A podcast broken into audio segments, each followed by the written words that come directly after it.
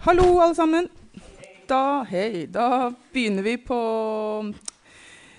neste forelesning i 1004 hellige tekster. Um, I dag, så, som dere vet, er temaet Bibelen i populærkulturen. Og den som skal både forelese i dag og også ha gruppene, de som altså begynner torsdag, også de neste alle gruppene, det er Ole Jakob Løland. Som har vært stipendiat på TF eh, i mange år, og som faktisk på fredag forsvarte doktoravhandlingen sin her i dette rommet. Jeg har med den boka hvis noen har lyst til å enten kikke i den eller lese den. Som rett og slett er om eh, apostelen Paulus i nyere filosofi. Jeg kan anbefale den boka. Eh, noen av dere var innom, så jeg også, på prøveforelesning og forsvar. Men iallfall i dag så er tema Bibelen i populærkulturen. Og Ole Jakob gjør som vi alltid gjør, legger ut powerpoint og linker og alt sånn i fronter etterpå. Eh, og så har dere da denne boka på pensum, som han har skrevet sammen med to andre kollegaer, Anders Martinsen og Petter Skippervold, som også har vært stipendiater her på TF. Så jeg tror det var hele introduksjonen, Ole Jakob. Da kan du få lov å overta. Hjertelig. Jeg skal snakke litt om uh, bibelbruk. Det jeg disputerte på, var egentlig bibelbruk i moderne filosofi. Men dette her er bibelbruk i en helt annen uh, del av kulturen vår, som også da er mye mer konsumert og brukt blant folk flest enn uh, det skal vi si, mer eller mindre akademiske filosofi er. og hva skal man da inkludere innenfor dette store feltet populærkultur? Altså hva, hva passer inn? Altså, det som passer inn, er jo i stor grad det som, det som folk som dere bruker. da, ikke sant? Idet dere går inn på Netflix og slapper av på kvelden og slår på et eller annet, så er dere konsumenter og forbrukere av en uh, hovedsakelig vestlig dominert kommersiell massekultur. Og kommersialismen er jo noe av det som, uh, som jeg syns er spennende med å utforske akkurat dette, dette feltet. Det at uh, noe gjøres salgbart. Og da i dette tilfellet et knippe av hellige tekster innenfor både jødedom og kristendom. Eh, ideer, som, og ideer og figurer som også kommer inn i islam. Eh, som gjøres til gjenstand for, eh, for en eh, Ofte en sånn radikal omarbeidelse. Noe av det som skjer, er jo at Bibelen er et knippe av tekster så det vi møter når vi åpner den boka, er jo skrift. Og populærkulturen lever ånder av visualisering i veldig stor grad. Og der skjer det noe ganske radikalt når, eh, når Hollywood eller andre store aktører griper tak i boka og lager et kommersielt produkt som kan nå mange. De visualiserer veldig mye det som vi da er tvunget til å forestille oss eller lese til vanlig. Eh, og dette er jo ikke jeg skal si Bibelen er på en måte ikke forhåndsskrevet med tanke på at Hollywood skal tjene penger. Eh, og det betyr at de tar ganske mange valg som gjør at innenfor populærkulturen så produseres det nye bibeltolkninger, nye skal vi si, En hel del meningsproduksjon eh, som gir opphav til ideer, inntrykk og tolkninger som de religiøse institusjonene, de store kristne trossamfunnene f.eks., organiserte kirkene, ikke ville produsert. Og Derfor så skjer det en helt annen meningsproduksjon innenfor populærkulturen enn i kirken. Eh, og de to, de to, tingene kan jo ofte henge sammen. Det kan jo være fristende å ha en, en skal vi si, traust, gammel institusjon som dyrker ideer om at man skal vise ærbødighet eller ærefrykt og ha respekt for, for uh, guddommen og for de hellige grensene som religionen nedsetter. Eh, og for disse kreftene så kan det være desto mer fristende å bryte med religionens eksplisitte eller implisitte eh, grensedragninger i forhold til hva som er korrekt gudstilbedelse, hva som er korrekt bibeltolkning. Husk på at i århundrer i eh, skal vi si, vår historie så har jo kirkene i stor grad hatt en form for tolkningsmonopol på Bibelen. Tenk, tenk, på et annet kurs hvor du kanskje hører om Hans Nilsen Hauge. Der sto spørsmålet om hvem er som hvem er det staten kan tillate å forkynner Guds ord, altså som tolker Bibelen for, uh, for, uh, for, folk? Og han brøt noen grenser der som gjorde at han, han, uh, han ble arrestert og fengslet og straffet for de grenseoverskridelsene. Og i dag så har man ikke et statsapparat som sensurerer på samme måte. Selv om vi skal komme tilbake til noen sånne eksempler på sensur. Men hvor går liksom grensene for populærkulturen? Hva, hva, skal med, hva skal ikke med? Jeg kan si at eh, Det man ofte setter en kontrast mellom, er liksom såkalt høykultur, som eh, her i Oslo vil du kanskje gå på Norske Opera eller Konserthuset eller Universitetets aula eller høre en uh, klassisk konsert, f.eks., på et klaver.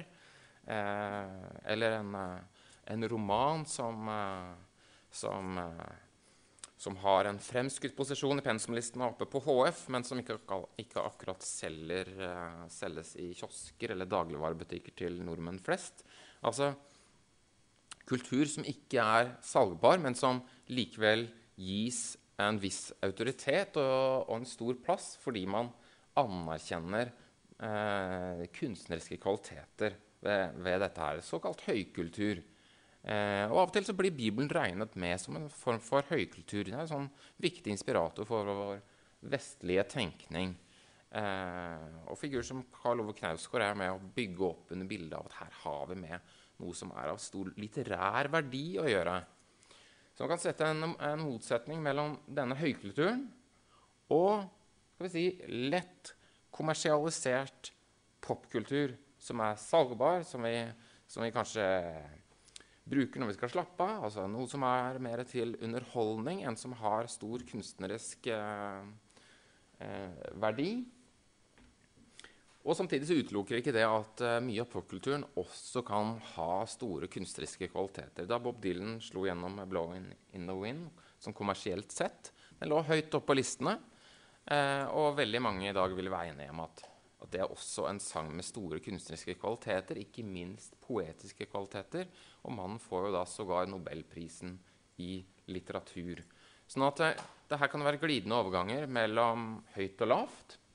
Paradise Hotel er kanskje litt mer entydig i så måte. Kanskje liten sjanse for at noen av disse to eh, ikke velkledde, men i hvert fall pene unge menneskene får nobelprisen i litteratur. Eh, og, eh, og, sånn sett så er det et sånn uttrykk som mye lettere kan entydig plasseres innenfor populærkulturen. Vi har en figur som eh, Tom Waits, som jeg har vært veldig opptatt av, som jeg bl.a. har skrevet noen artikler om. som Jeg har lagt noen sånne tekster her fremme. Hvis noen er interessert i å ta med noen, så er det, bare, så er det, så er det gratis. Også tre eksemplarer igjen av boka. Pensumboka.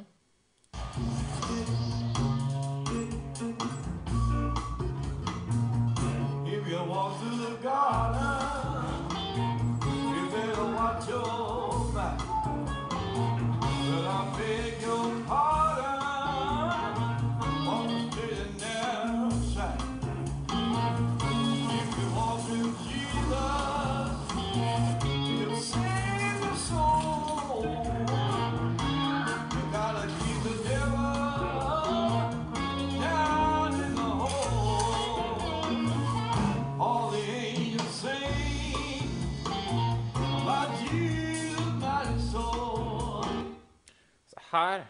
syns jeg det skjer veldig mange spennende ting på en gang.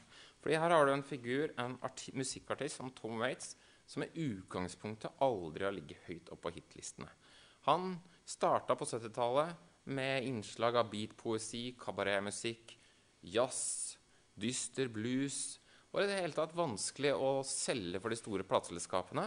Og dette her er låt fra en av hans uh, plater fra 1987.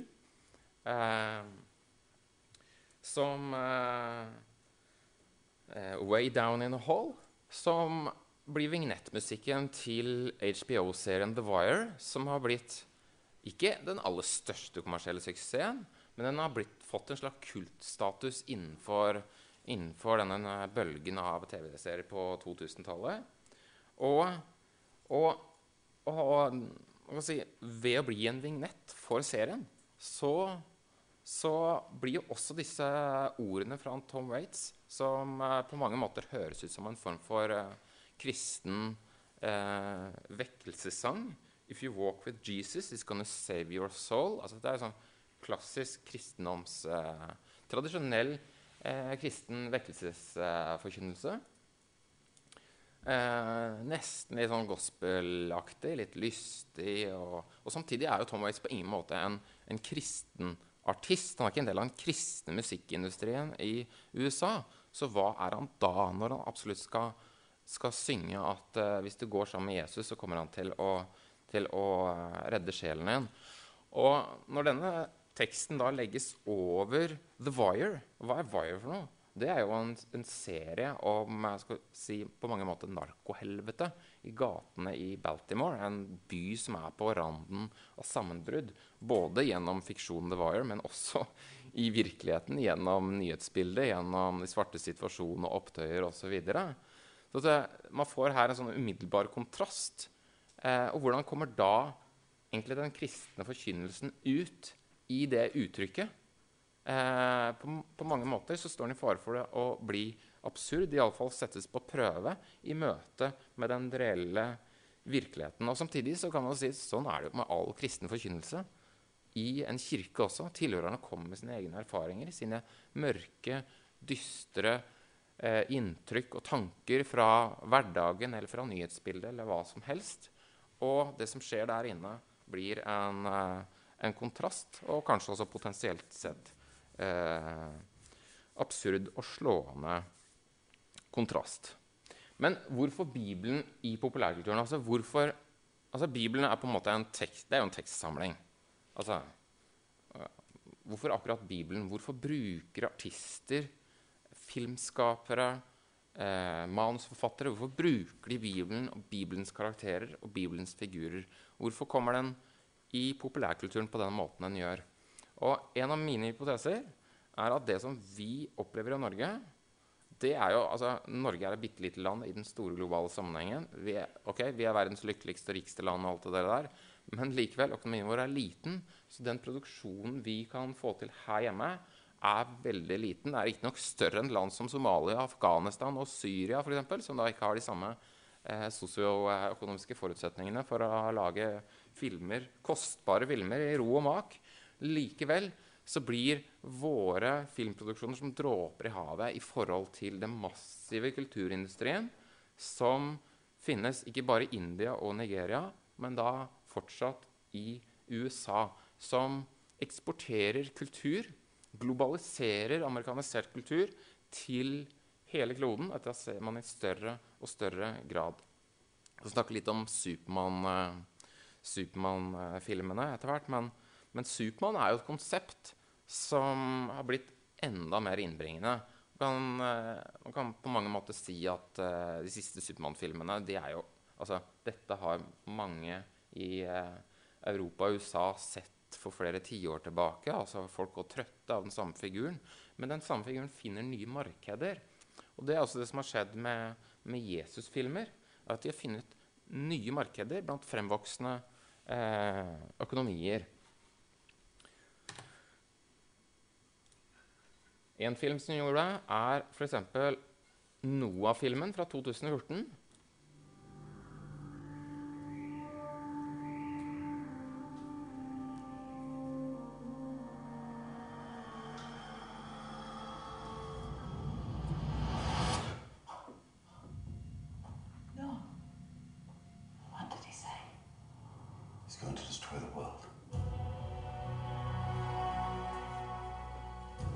father said that one day, if man continued in his way, the Creator would annihilate this world.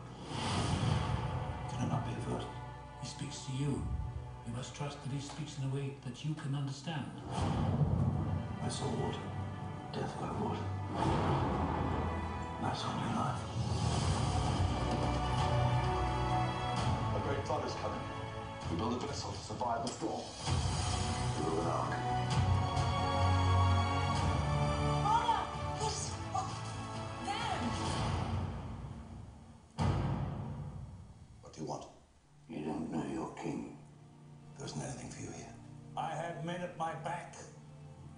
Stand alone and defy me?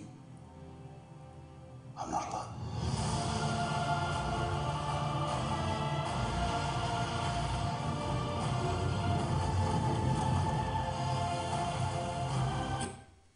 Ok. Noahs ark. Dette er et eksempel på en film som, som har hatt veldig stor suksess utenfor USA, særlig i store kristne land som Brasil og Russland.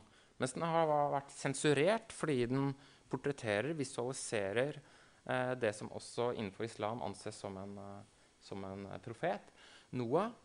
Og eh, som har vært forbudt i Indonesia og, eh, og en del stater i, i Midtøsten. Men her kan du si, her, her står markedsinteressene mot religiøse interesser. Og også innenfor Vesten, altså innenfor uh, USA og Europa, så tok det veldig lang tid før man, før man egentlig kom i gang med å visualisere de bibelske tekstene. Kom i gang til, med å bare vise Jesus på film. Fordi man hadde eh, på mange måter mange av de samme innvendingene som ligger i ryggmargen i, eh, i muslimske land overfor å visualisere guddommen. Og det er et, det er et eldgammelt bibelspørsmål eh, som står mye sterkere i jødisk eh, kristendom, men også til dels i, i, eh, i, eh, i protestantisk kristendom, og som bidro til at du hadde bildeforbud mot å vise Jesus på film i USA eh, ganske, ganske lenge. Sånn at her er det også en understrøm i skal vi si, også det som er den norske majoritetsreligionen, kristendommen. En sånn tilbakeholdenhet eller skepsis mot å, å, og, og visualisere det guddommelige og, og lage bilder eh, av profeter eller av Gud. Og det syns jeg, synes jeg fortsatt er et veldig interessant spørsmål, teologisk spørsmål, om det er en god idé. Og jeg syns at populærkulturen også er en veldig fin måte å utforske det spørsmålet på. Ok, Er det en god idé å lage Supermann-filmer som produsentene mener ligner på, på Jesus selv? Men hvorfor akkurat Bibelen i USA? Fordi kristendommen er majoritetsreligionen i USA. USA eh, har lenge vært kommer lenge til å være det landet i verden med flest kristne individer. Og Bibelen eh, har en, en fremskutt posisjon, bl.a. fordi protestantisk kristendom er den som dominerer i USA. En uh, konfesjon som bygger på Bibelen alene, hevder iallfall konfesjonen selv. Og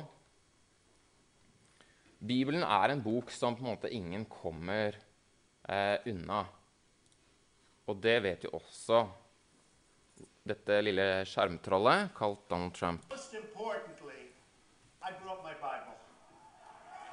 Okay?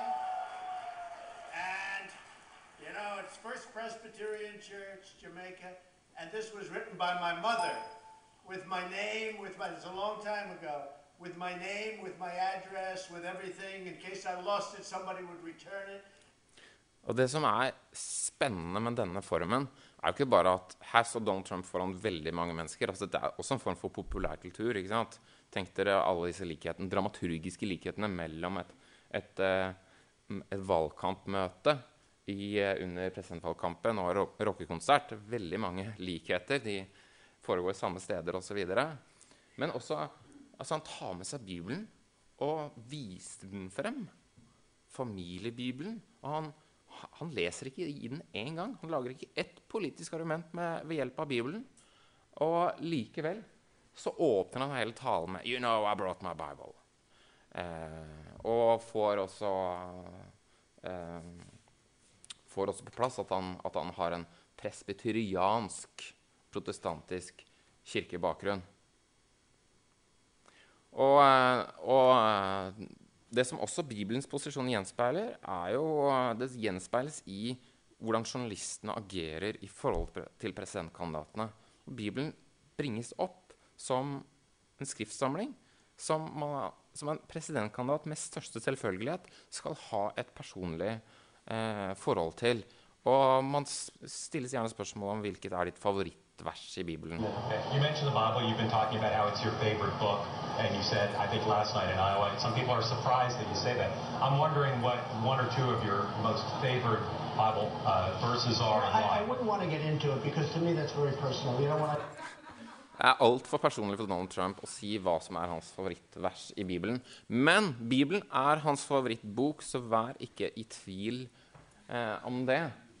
Eh, og her, sant, her ser man med en gang altså Vi sitter jo liksom og konsumerer amerikanisert massekultur i monn. Og samtidig så tilhører, tilhører vi en helt annen kultur fordi en eh, norsk statsministerkandidat, som kanskje da er sammenlignbart i dette tilfellet, ville aldri fått det samme spørsmålet, ville aldri følt det samme presset, ville aldri ha interesse av å vri seg unna spørsmålet hva er ditt favorittvers, ved å måtte si at dette er så personlig at det, det, det, det kan jeg ikke engang si.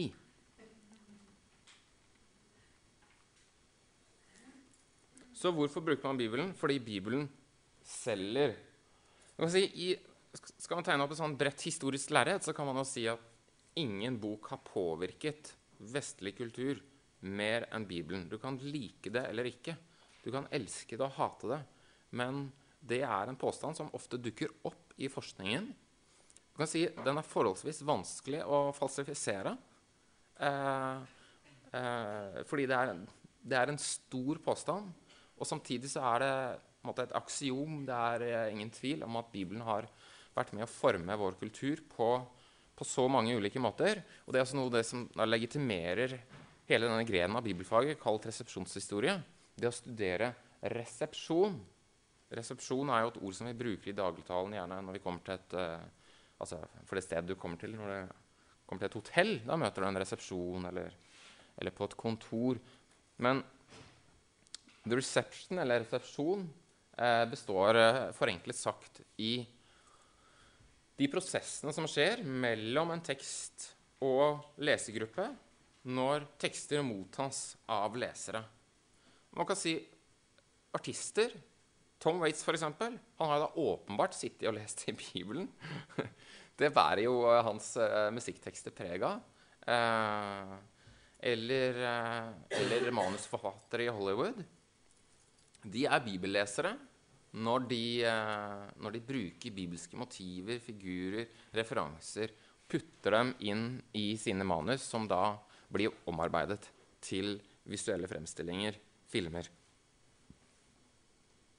Men det åpenbare eh, grunnen er selvfølgelig at Bibelen selger. Altså Det er et eller annet med bruken av det bibelske som appellerer eh, bredt og smalt til ulike kundegrupper, som gjør at det er mulig å selge. Og på mange måter selger mer enn man hadde trodd. Fordi man hadde jo en bølge av bibel... eh, Altså Jesus-filmer i Hollywood hadde man fra slutten av eh, Altså begynnelsen fra 60-tallet og til slutten av 70-tallet. Mange omkostede, dyre produksjoner. Eh, og så ble det litt stille, helt til Mel Gibson annonserte at han kom til å lage den mest realistiske Jesus-filmen i verdenshistorien, nemlig 'Passion of the Christ', som eh, han finansierte på egen hånd i 2004. Og det var en kommersiell suksess som overrasket ganske mange og som på mange måter forberedte en ny bølge med bibelfilmer, bl.a. den Noah-filmen som vi så klipp av her. The Bible var den mest sette TV-serien i USA i 2013. Altså Glem House of Cards og Girls og The Bible er det som gjelder, altså. Um, og det er litt morsomt også å se hvordan disse filmene markedsføres. Hvordan de på en måte sjangermessig plasseres. Og det sier meg igjen noe om hva slags kultur er det vi lever i? Hva slags religion er det vi tror at vi tror på eller forkaster? Altså, eh, Exodus, som er en dramatisering av visse motiver fra andre Mosebok, kom i 2014 og ble markedsført som en action-fantasy. Og, eh, og, og her har man liksom Harry Potter og Ringenes herre og fantasy-sjangeren er eh, det virker som om man syns det er veldig nærliggende og Bibelen og, og, og, og religionen.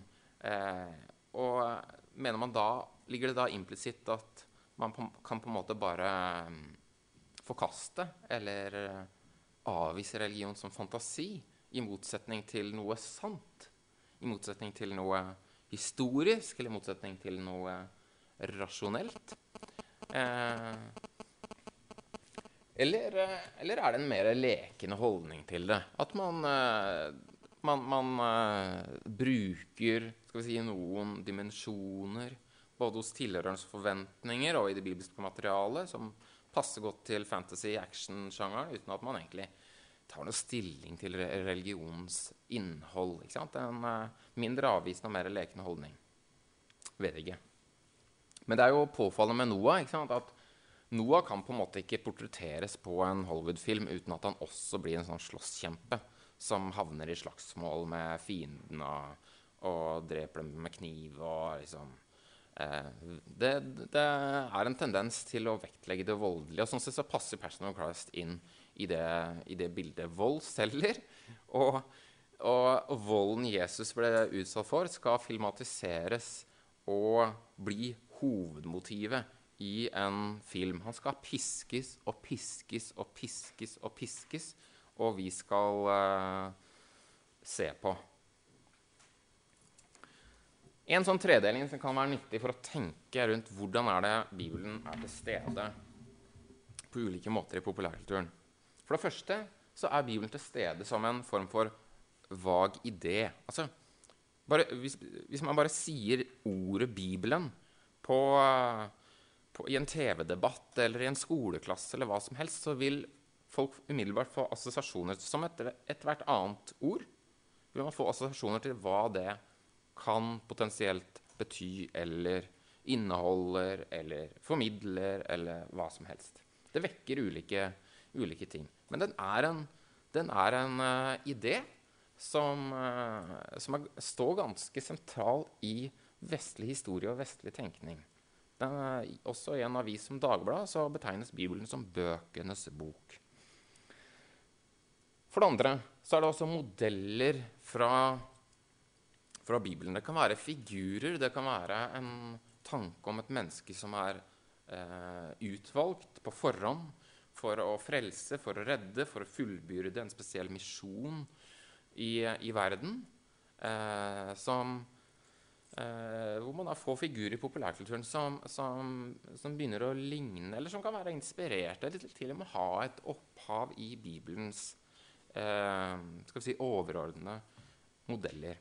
Eller det kan være populærkulturelle uttrykk som man kan spore tilbake til et konkret vers eller et kon konkret kapittel i en, bibel, uh, en bibeltekst. Vendela Kirsebom hun kalte jo sin bok om, uh, om, skjønnhetspleie og den slags. Jeg har ikke lest den boka, skal jeg innrømme, men uh, den har en veldig fin forside. Beauty Bible. og hva er det hun gjør her? Hun bruker bibelideen til å markedsføre, til å selge og pakke inn sitt eget produkt og um, Jeg vet ikke hva dere får assosiasjoner når dere ser det, men jeg tenker litt sånn OK, Beauty Bible. Her er det en bok som, som inneholder alt du trenger å vite om skjønnhetspleie. Dette er på en måte den ultimate boka om, uh, om hvordan du kan bli uh, pen og vakker som, uh, som skal vi si 40-årig kvinne i Vesten i dag. Altså Bibelen er et argument for at noe er bra. Altså, er, den bibelske ideen er noe positivt. Kjøp denne boka her. The Beauty Koran. Jeg vet ikke om det ville fungert på samme måte. Men, uh, men vi kan jo oppmuntre henne til å prøve. Paradise Hotel det er jo en, eh, en flott serie som gir mye til ettertanke for uh, søkende individer i verden i dag. Mye flott ungdom. Fin, solbrun eh, hud. Eh, representert med ymse figurer fra både Blærum og Distrikts-Norge. Da jeg så denne forsida her, så tenkte jeg med en gang Edens hage. Første Mosebok. Jeg tror ikke bare det er fordi jeg er yrkesskadd eh, som prest og teolog. Eh, Men jeg tror også disse fotografene som lagde, lagde denne saken, tenkte på det samme. Her står de med, med frukten. Og uh, fikenbladet var der, og uh, det står jo at paradiset er borte. Og det er jo en kristen sannhet. Paradiset er borte. Syndefallet har funnet sted. Det er basic kristendom. Bare vinnerne står igjen. Ja, Det spørs hvordan vi skal tolke det. Men det er en sosialpsykolog som heter Ole Jakob Madsen, og på SV han, han, har skrevet litt om uh, Paradise Hotel sånn, si, med sånn psykologisk kapell. Og han mener at uh, den bibelske myten om Edens hage, som på en måte Kirken er den viktigste premissleverandøren for, og vedlikeholder en sånn vi si, en bevissthet og en kulturelt minne om at denne myten står i en særstilling for å måte, forklare menneskets eksistens og opphav. Den myten, at den er etablert måte, i vår felles kulturelle bevissthet, er en viktig grunn til at denne serien appellerer i det hele tatt. Og veldig mye av dramaturgien i Paradise Hotel, men også rundt altså Det blir jo også mye drama rundt denne serien gjennom medieoppslag osv. Sosiale medier og sånn. Men jeg henter veldig mye fra, fra motiver som, som, eh, vi gjerne forbinder med denne med den bibelske myten. Motiver som skam og skamløshet koblet opp mot nakenhet. Eh, dette med å leve i paradis, hvor helt andre regler eller forhold eller betingelser er til stede enn uten, utenfor paradis, så kan en unektelig komme unna det faktum at disse deltakerne oppfører seg noen annerledes på på dette solfylte paradiset enn de gjør når de går og handler på Rema på sin lokale nærbutikk, eller hva det nå enn gjør. Treet, kunnskapen om godt og vondt. Begge var nakne, både mannen og kvinnen, og de skammet seg ikke for hverandre. Da sa slangen til kvinnen, dere skal slett ikke dø, men vet at den dagen dere spiser av den, vil øynene deres bli åpnet, og dere vil bli som Gud og kjenne godt og ondt. Nå fikk kvinnen se at treet var godt å spise av og en lyst for øyet. Et forlokkende tre siden det kunne gi innsikt. Så tok hun av frukten og spiste.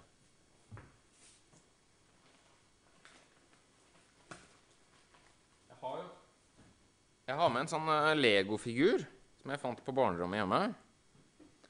Og dette her er jo en slange. Den kommer fra legoserien Ninjago.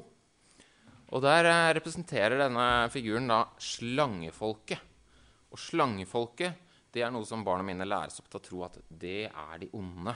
Eller de læres iallfall opp til å leke med disse onde. De kan jo ha de onde i handa til og med. Ikke sant?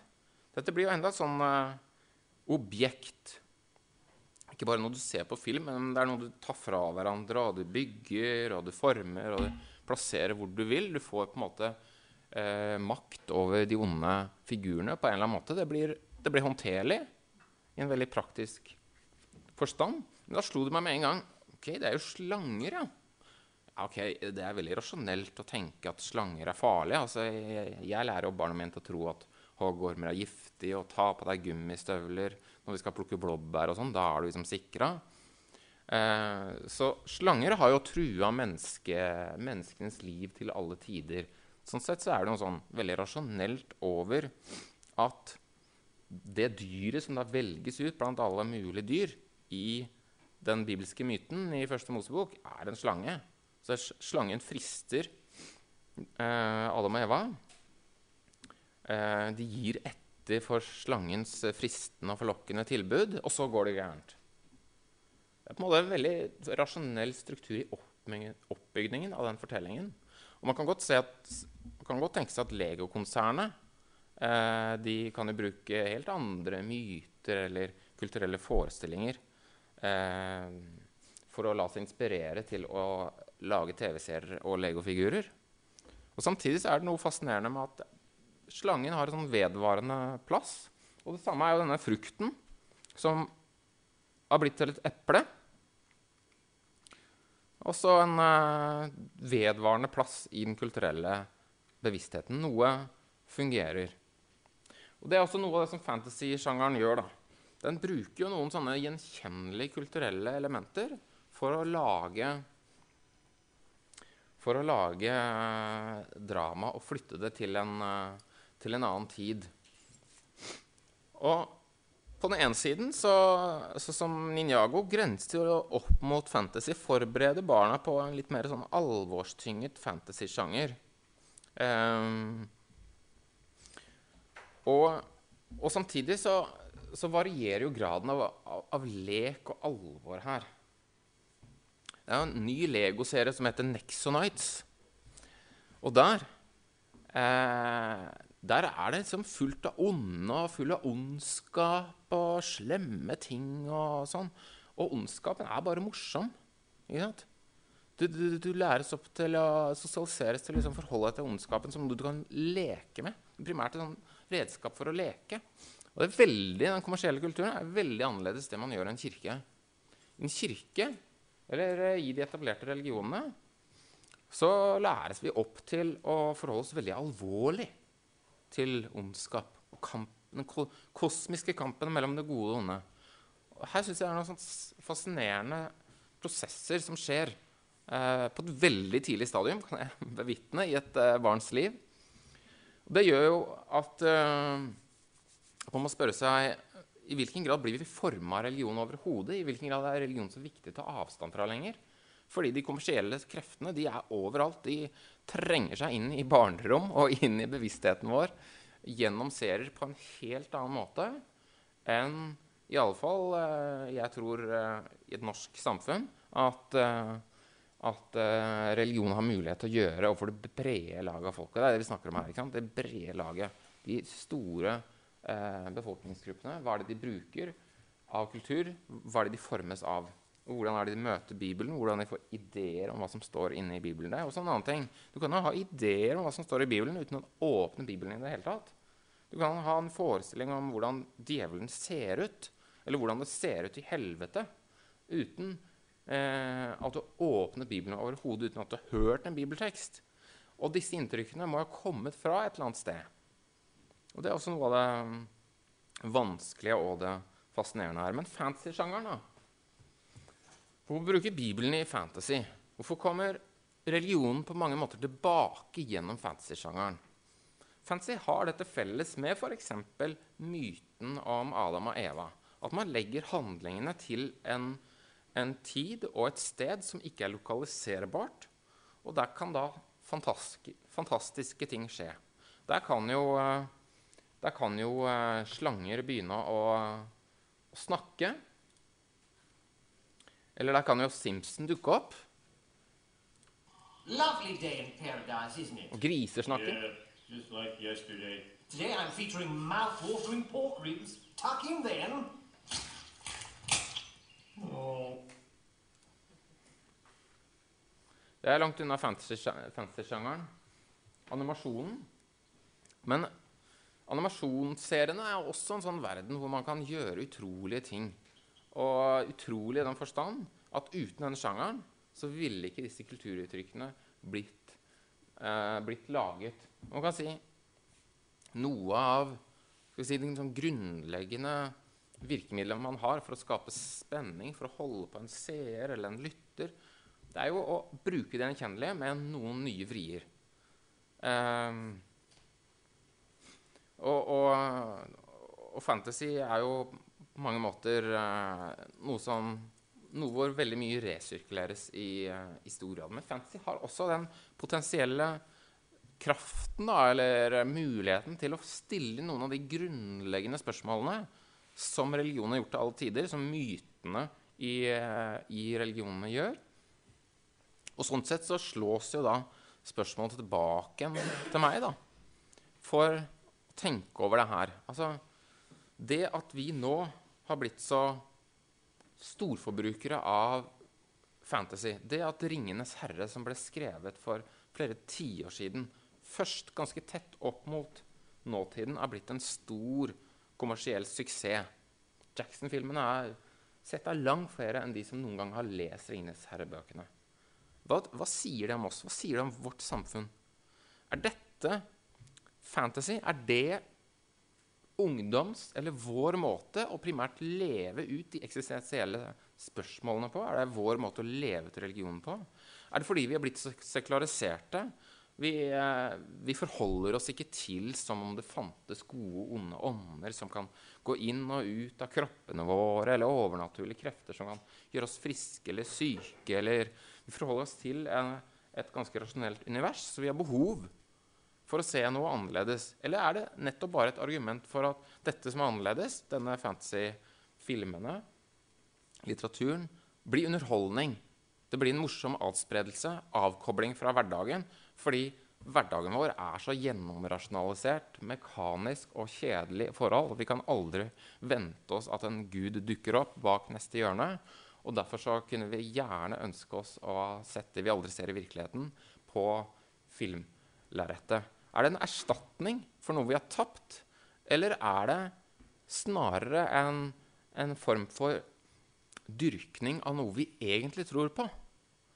Eh, og det siste var jo kristne fundamentalister i USA veldig redde for da de advarte mot Harry Potter. Eh, fordi de mente at eh, Harry Potter de lærte barn opp til å tro på heksekunst og trolldomskunst. ikke sant? Fundamentalistene tok Harry Potter dødsens alvorlig, mens vi trakk på skuldrene. Og vi trakk jo på skuldrene bl.a. Uh. Vi, altså skal vi si, eh, den brede offentlighet i, i Vesten, trakk på skuldrene fordi eh, ingen ville ta det fundamentalisten fundamentalistene sa, på alvor. Eh, og man avskrev at dette hadde noe med religion å gjøre. Det var jo bare underholdning. Og så kom jo eh, forfatteren ut til slutt og, eh, og, og sa at eh, hele serien hadde vært inspirert av kristendommen. Hvorfor hadde hun ikke sagt det før, da? Hun var jo en trofast kirkegjenger in the Church of Scotland, eller eh, hvor det var. Nei, det var fordi hun var redd for å, å, å vise folk hvor det bar hen. Hadde de visst at dette var på en måte inspirert av en grunnleggende kristne fortellingen, så hadde, så hadde det ikke vært så spennende å følge med implisitt. Hun hadde heller ikke solgt så mange bøker. Eh, men det behøver ikke være noen direkte motsetning mellom den type oppriktighet og, og markedsinteresser heller, selv om de ofte er der. Så hva er dette for noe?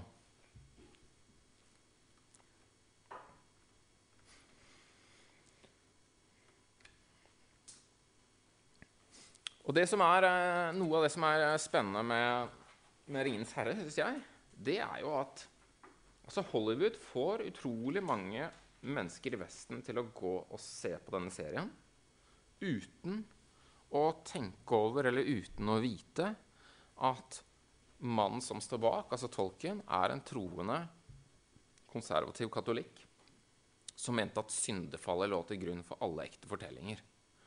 Med andre ord, syndefallet er en sånn grunnleggende forestilling for hvordan han bygger opp fortellingene sine i 'Ringenes herre'. Og dette er også en katolikk som da med overlegg har dekket over at han er inspirert av Bibelen. Fordi han skriver rett ut at han, han vil ikke at fortellingene sine skal alludere til Bibelen. Han vil ikke at folk skal tenke på Bibelen eller bibelske hendelser eller figurer når de leser bøkene hans. Og like fullt så, så, så er på en måte den grunnstrukturen under fortellingen kampen mellom det gode og det onde, offeret, forsakelsen, fristelsen innenfor denne kampen mellom gode og onde, er noe som er dypt katolsk og dypt kristent for, for, eh, for Tolkien selv. Og man har prøvd å spore skal vi si, bibelske paralleller mellom det Tolkien har skrevet og Bibelen, og det er ganske vanskelig å finne. Eh, og det er jo bl.a. muliggjort av at Tolkien dikter opp et stort, nytt univers av figurer, til og med et eh, delvis nytt språk med nye betegnelser osv. Men ska, noe av skapelsesberetningen i Silmarillion er, eh, er noe som en del, en del forskere gjerne fester til den bibelske inspirasjonen til tolken. Eru var den ene. Altså, det er en form for monoteisme her. Som i Arda kalles Luvatar, og han skapte først. aunuene, de hellige som var hans barn av tanke, de var hos ham før noe annet var til. Altså Som om det her er type englelike vesener. Og han talte til dem og la frem for dem melodier, og de sang for hans åsyn, og han gledet seg. Jeg stopper der. Vi tar en uh, pause på uh, 14 minutter. Og hvis noen trenger en pensumbok, så ligger det her uh, fremme, som sagt.